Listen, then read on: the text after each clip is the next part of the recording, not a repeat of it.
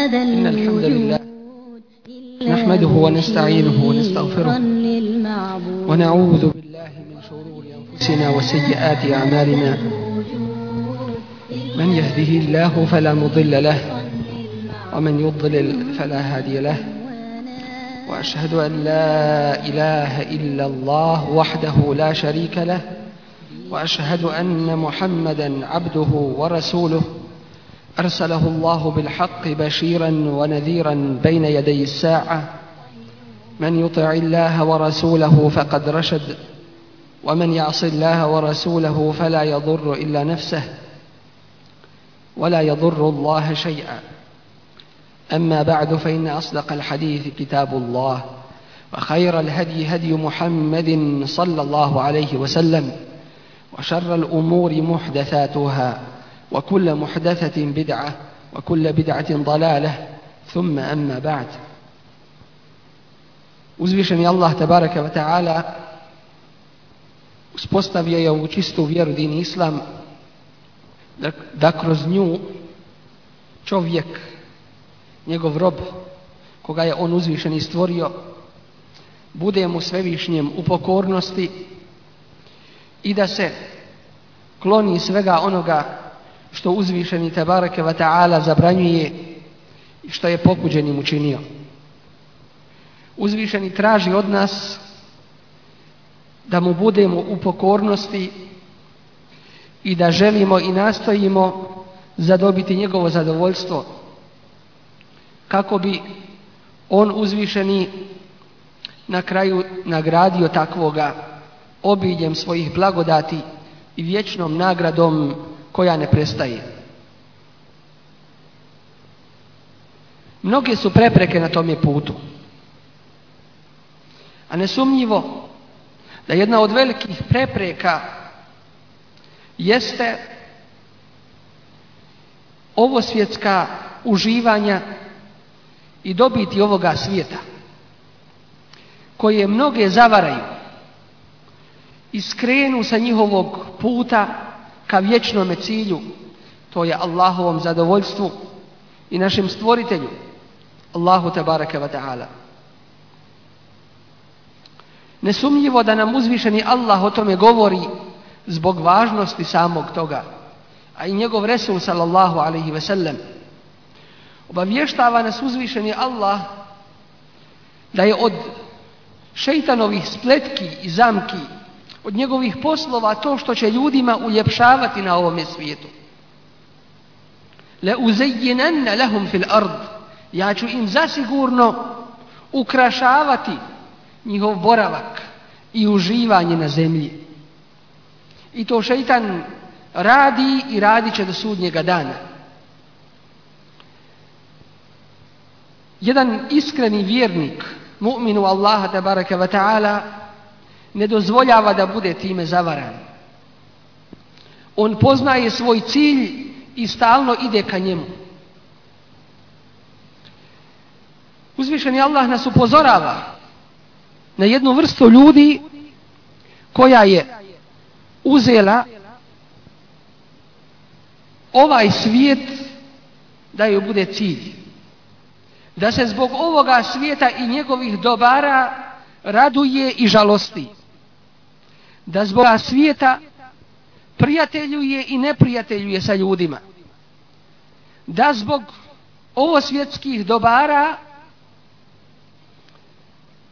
i nastojanja da ih dobije sve potčini tome. Svoju čast, svoje vrijeme, svoj život i napor. Tako da takvi jednostavno postaju robovima ovoga svijeta a ne Allahovim subhanahu wa ta'ala. Za takve uzvišeni Allah kaže u Kur'an Kerimu Men kane yuridu l'hajate dunja wa A onaj ko bude želio ovaj svijet i njegove ukrase Nuwafi ilihim a'malahum fiha Wa hum fiha la yubhasun Mi ćemo im dati plodove i ništa im u tome uskraćeno neće biti. Ulaike allazina lejse lahum fil ahirati illa nar.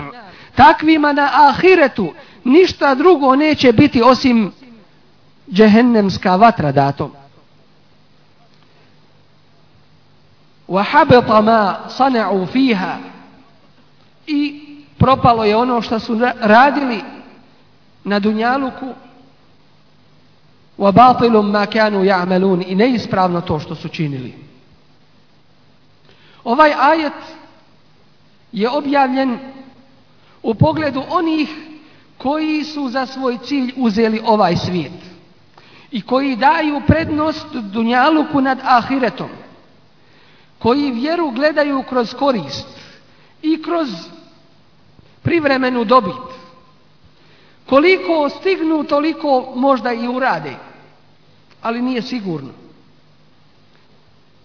Vjera na drugom ili nekom trećem ili nekom iza toga mjestu. Nakon ovog ajeta uzvišen je Allah i objavio jedan drugi ajet za koga mu fesiri kažu da je nasih. To jeste derogirajući ajet u pogled ovoga prvoga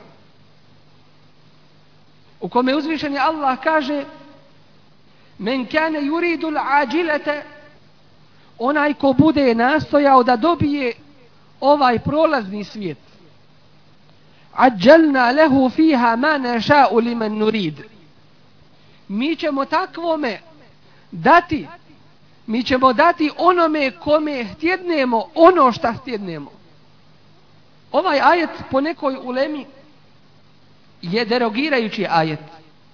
To jeste hukum ovoga prvoga ajeta stavlja van snagi. U pogledu Allahovog obećanja da će svakome ko bude tražio ovaj svijet da će mu ga dati. Piti ovaj drugi ajet je muhasis ili onaj koji ograničava prvi ajet. To jeste neki od onih koji budu tražili ovaj svijet i dobit će ga. Ali ne svi.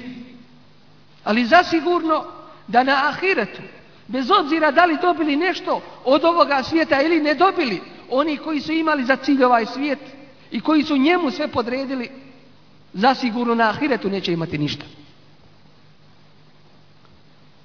I zato ljudi se u pogledu ahireta i svojih dijela koja su im propala na ovome svijetu dijele na četiri, na četiri vrste. Prva vrsta ljudi koji rade dobra djela u ime Allaha te baraka wa ta'ala. Kao što je hađ. Kao što je učenje Kur'ana. Kao što su mnogobrojna dobra djela. Ali tim dobrim dijelima od Allaha te bareke ve ta'ala ne traže ništa drugo osim ovaj svijet. Dakle, uradili su ta djela i bili iskreni u njima.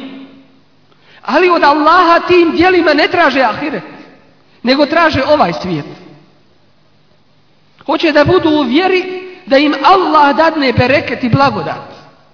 Da im Allah sačuva i metak. Da im Allah dadne hajrli porod, da im Allah dadne i dadne i dadne. Žele vjerom od Allaha samo ovaj svijet. I primjer takvih je kao što Kur'an spominje, primjer onih koji dođu na hađ i dove upućuju i govore Rabbena atina fid dunja, oma lehu fil ahireti min halak. Došli na hađ, potrošili se, truda vidjeli i nakon toga mole Allaha Allahu ti, naj da, ti nama daj na ovome svijetu. Oma fil ahireti A na ahiretu neće imati ništa. Takve su riječi onih koji kažu, a vidimo da se, barem po njihovoj vanštini drže vjere, kažu da je nama samo lijepo zdravlje. Da je nama samo proživjeti na ovome svijetu. Da je nama da nas ništa loše na ovome svijetu ne zadesi, a tu uopšte ne spominju. Dakle, to je ta vrsta ljudi koja svojim ibadetima Allahu te barake ta'ala želi postići ovaj svijet. Rade ibadete radi ovo svjetske koristi. Druga vrsta ljudi jeste ona koji rade ibadete Allahu te bareke ve taala, ali u tim ibadetima pomiješaju nešto i drugima. To jeste Allahovim robovima. Prikazuju se u tim svojim ibadetima. Žele da budu pohvaljeni, žele da dobiju mjesto u društvu, položaj i tako dalje. Primjer takvih je, kao što Resul sallallahu spominje u predanju koje bilježi imami Ahmed i imami Muslim svojim zbirkama gdje će uzvišeni Allah tebareke ve taala sići među ljude da im presudi na sudnjem danu. Pa će svi narodi tada klečati. I bit će dovedena prvo trojica. Koji je učio Kur'an, koji je davao sadaku i koji je bio borac na Allahovom putu. Pa će biti upitan prvi šta si uradio sa mojom blagodati? Onoga što sam objavio svome poslaniku. A on će reći klanjao sam Allahu i danju i noću. A uzvišeni mu odgovara slagao si. Isto će reći i meleke. Činio si to da se kaže pobožan. Zatim će se reći onome koji je davao od svoga imetka, šta si učinio sa mojom blagodaću koju sam ti dao pa da ne budeš ovisan ni od koga od ljudi, a on će reći Allahu održavao sam rodbinske veze i trošio ga u tvoje ime kao sadaku, a on će reći lagao si. A isto će reći i meleki. Doći će se sa čovjekom koji se borio na Allahovom putu i dao svoj život pa će biti upitan šta si radio na dunjalu pa on će odgovoriti borio sam se Allahu na tvom putu. Dok nisam svoj život dao, a Allah će mu reći slagao si. A isto tako i Meleki će mu reći. Borio si se da se kaže ti si hrabar. Pa to je već rečeno. I zatim reče Resulullah sallallahu alaihi ve sellem Ebu Hureyri prenosiocu ovoga hadisa prvo čime će džehennem biti raspaljen to su ova trojica. Dakle, činili dobra djela, ali u tim dobrim djelima Allahu te baraka taala željeli su i nastojali da steknu ljudsku pohvalu. Nastojali su da dobiju neku ovosvjetsku korist od ljudi kao što je položaj i tako dalje. Pa ništa nemaju od tih dijela, isto tako na ahiretu. Treća vrsta ljudi koji budu radili dobra djela, ali tim dobrim djelima žele da postignu materijalnu korist na ovome svijetu. Kao što je pitanje učača Kur'ana koji uče Kur'an da bi im se platilo. Ili imama koji klanjaju namaze pred džematom da bi na taj način zarađivali. Ili muftija koji daju fetve jer im je to obaveza i to im je služba. I od toga je proizašao naziv vjerski službenik. Dakle, službu je radi i zarađuje preko vjere. A to se u islamu u osnovi ne prihvata. To mu je uloga. Što je otišao da uči u medresu? Da bi se uhljebio. Jer to najviše ide, ljudi se rađaju i umiru. Možda nešto u nekom vremenu ide ili ne ide, ali ovo uvijek ide. Pa ide u medresu zato što će tu dobro zaraditi. Naće dobar džemat i više nema šta da se brini. Dakle, raditi dobra djela da bi se dobilo nešto od ovih materijalnih koristi. Isti slučaj i sa hađom. Ići na hađu da bi se na taj način trgovalo i zarađivalo. Isti slučaj je sa hijđrom. Hijđru učiniti da bi se dobilo nešto od ovoga dunjaluka, pa onda to više nije hijđra. Hijđru učiniti da bi se neko oženio ili da bi se neko udao dalje. Dakle, bilo šta raditi od ibadeta za ovu materijalnu korist. I zato su bile, riječi Allahovih poslanika La es'alukum alaihi min ajr. Ja od vas ne tražim nikakvu nagradu, bilo kakvu nagradu. Dakle, upravo zbog toga da ta djela budu halisa, čista u ime Allaha subhanahu wa ta'ala. I četvrta vrsta onih koji neće ništa imati na ahiretu od onih koji su radili na ovom svijetu jeste oni koji su činili ibadet Allahu te barake wa taala a u tome ibadetu su pridruživali nekoga drugoga njemu uzvišenom to jeste bilo koji od ibadeta činili su i nekome drugome mimo Allah od toga je ono što je prošireno danas među svijetom, a to je mnogobrojna turbeta koji su sagrađeni kao dućani u kojima se prikuplja novac i mjesto gdje će ljudi moći dove upućivati tim mrtvima, to jeste moliti mrtve da im dadnu obskrbu, da ih riješe belaja, da im dadnu neko dobro na ovome svijetu što je od čistog velikog širka Allahu te ta'ala. Dakle, upućivanje bilo kakvog ibadeta nekome drugome mimo Allahu subhanahu wa ta'ala jeste širk i to batali, to poništava sva druga dobra djela i onaj ko dođe na ahiret sa širkom Allahu te bareke taala ne pokajavši se prije toga na dunjaluku takvome Allahu prostiti neće i takvom je haram džennet učinio. Sve ove vrste su vam već poznate. Ali bih želio da se posebno vratimo na jednu od ovih. A to je ova vrsta u kojoj čovjek postaje robom ovoga svijeta i dunjaluka. I onoliko i mjeri koliko se preda ovome svijetu, toliko će se udaljiti od ahireta. Koliko se oslanja na ovaj svijet, koliko je privržen njemu, koliko se raduje njime, koliko se žrtvuje za njega, toliko će biti udaljen od ahireta. Ovo ne znači da se ostavi ovaj svijet. Ali mora se jasno razlikovati šta je cilj, a šta samo sredstvo.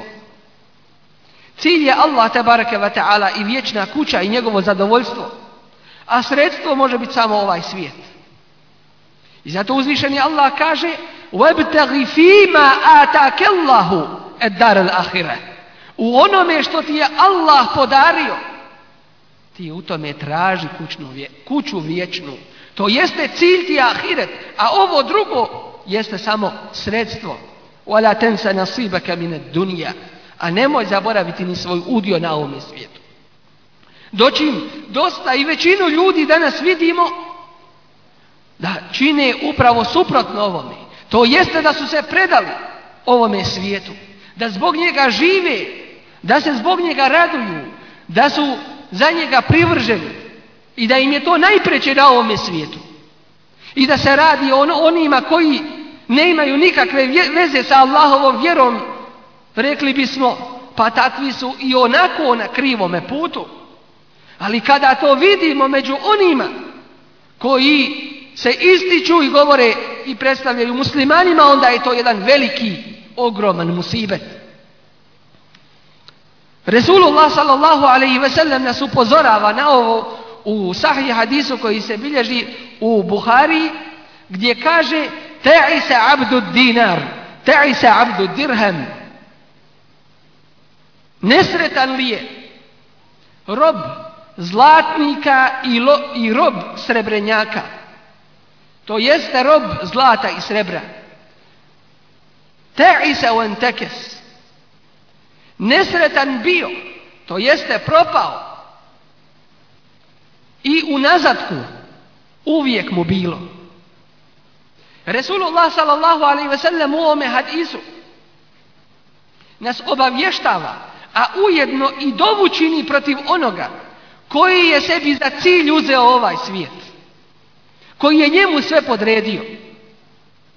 Obavještava nas jer je to Allahov zakon koji se ne mijenja. A dovu čini i protiv takvoga jer dova Resula sallallahu alaihi wasallam je Kabul, je prihvaćena kod Allaha tabaraka wa Što znači da takav nikom slučaju uspjeti ne može, osim ako se promijeni, popravi i vrati pravome putu. Ta'isa u entekes propao i naopako mu i nazadno sve bilo.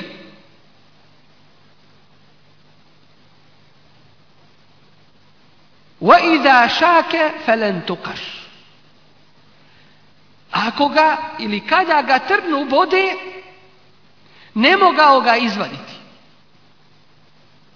Spominje Ibni Hajar u komentaru ovih riječi Resula sallallahu alaihi sellem da se ovim želi reći da onaj koji je hitao u ostvarenju ovoga svijeta, zaboravivši Allaha te bareke ili olako držeći do Allahove te bareke vjere, da takav bude onemogućen najmanjom zaprekom u postizanju svoga cilja. Da takav bude i najmanjom zaprekom radilo se o trnu običnome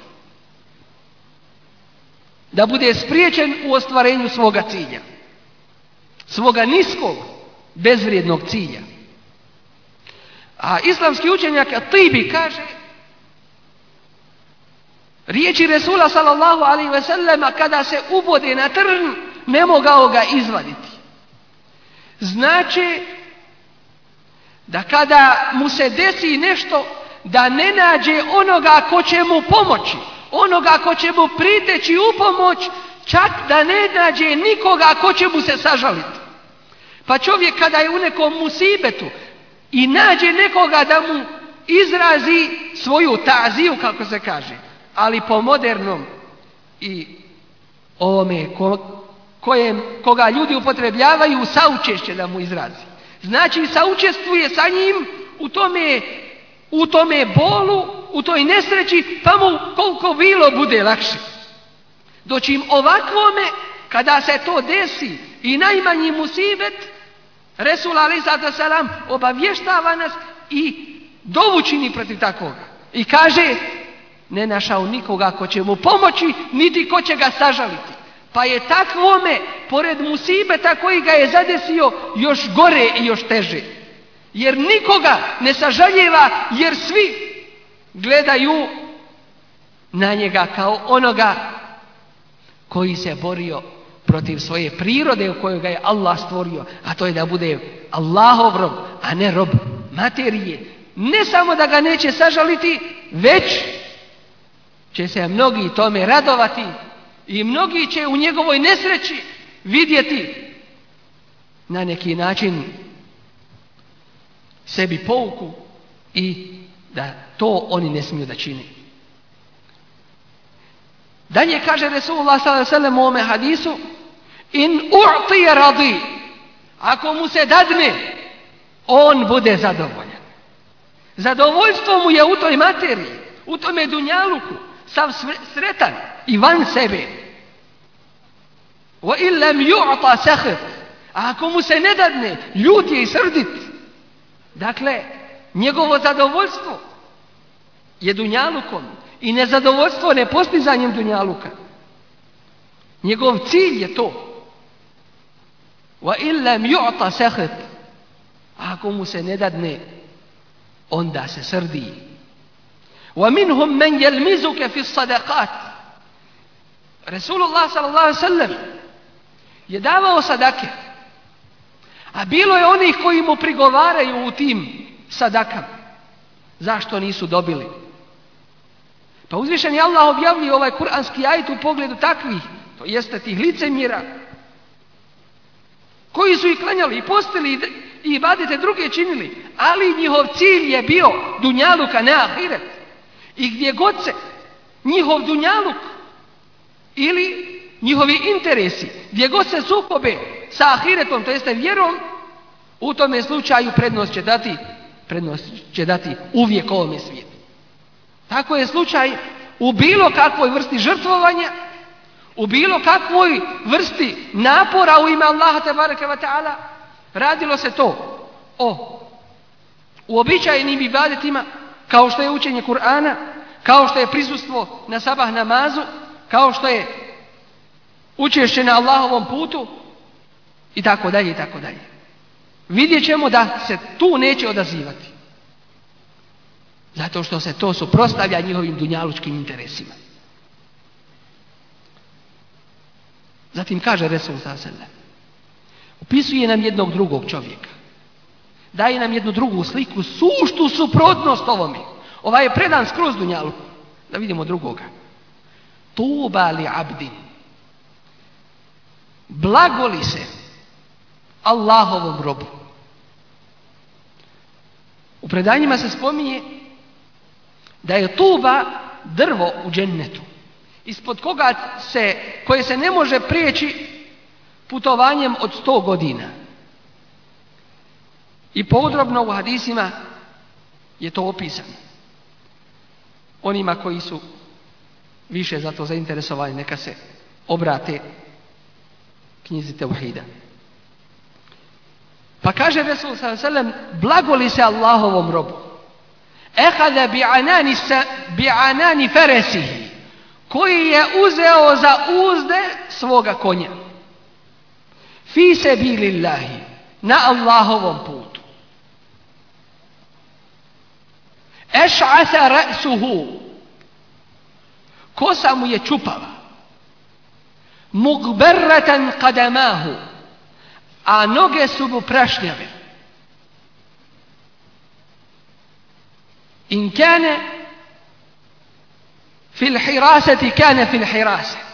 Ako se postavi da bude na straži, on bude na straži. Ne može biti da ga izgubi iz toga mjesta gdje je postavljen da izvršava ulogu svoju koja mu je data. Takav ne pretpostavlja svoje interese niti dunjaluk. Tu ćeš ga inače na hajru ustrajan. Nije površan i povremen i privremen. Uđe u islam i izađe. Nije mogao da se ostavi i kutariše džahilijetskih običaja. Nije mogao da napusti grijehe na kojima je bio u prošlosti. Pa sada hoće u islamu da ih ođajzi i odobri. I na ovaj ili na onaj način da ih sebi prilagodi. Ako je nastraži, nastraži. وَإِنْ kane fisaka, ti kane fisaka. Ako se postavi da bude na usluzi vojsci, on tako i bude. U bilo čemu da mu se postavi, on to izvršava.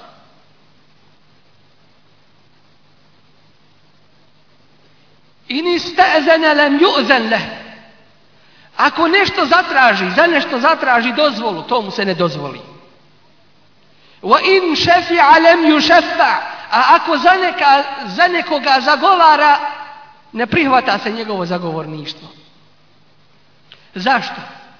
Zato što tome i takvome nije bio cilj da se pokazuje i prikazuje ljudima, da ga ljudi hvale, da ga ljudi poznaju i priznaju, pa je nepoznat među ljudima. Nepoznat među ljudima. Ali poznat kod Allaha gospodara svih svjetova. Za takvoga kaže Resulullah sallallahu alaihi wasallam u hadisu koga bilježi imam i muslim Rubbe eš'ata agbar Desi se, može se desiti, da bude ili da postoji čovjek koji je prašnjav i čupav